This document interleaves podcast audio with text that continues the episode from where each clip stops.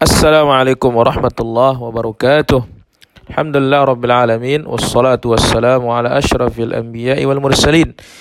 نبينا محمد وعلى آله وصحبه ومن استنى بسنته إلى يوم الدين أما بعد.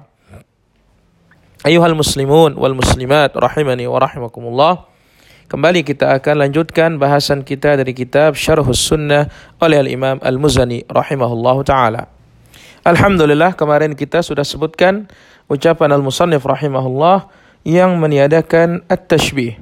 Sekarang kita lanjutkan. Qala rahimahullah wa qasrat anhu fitanul wasifin. Maka ucapan ini menunjukkan ibtal takyif. Membatalkan mempertanyakan kaifiat. Maka orang-orang memberikan sifat Allah Azza wa Jalla tidak pernah akan bisa mengetahui bagaimana bentuk sifat tersebut dan kaifiatnya. Akal dan pemikiran manusia dia adalah hal yang sangat rendah, sangat kurang untuk bisa mengetahui hakikat dan kaifiat sifat Allah Subhanahu wa taala. Karena Allah Azza wa Jalla Maha Agung. Maka Al-Imam Abdurrahman bin Mahdi rahimahullah taala dia ditanya oleh seseorang tentang bagaimana bentuk sifat Allah Azza wa Jalla. Maka beliau berkata, Arwaidak ya bunai, hai nak, tunggu sejenak. Sehingga kita berbicara tentang makhluk duluan. Apabila kita tidak bisa membicarakan makhluk, maka tentu membicarakan sang khalik pun lebih tidak bisa lagi. Saya sebutkan suatu contoh dan dibawakan hadis Nabi Shallallahu Alaihi Wasallam.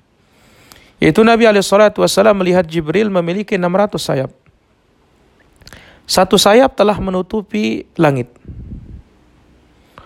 Lalu Abdurrahman bin Mahdi rahimahullah berkata kepada orang ini, sebutkan saya satu makhluk yang memiliki 600 sayap. Bagaimana bentuknya coba? Maka sang penanya memandang dan melihat Abdurrahman bin Mahdi. Lalu Al-Imam Abdurrahman bin Bahdi mengatakan, Ya Bunai, hai nak, aku ringankan bagimu pertanyaan ini. Dan aku hilangkan bagimu dan dari dirimu yaitu 599 sayap.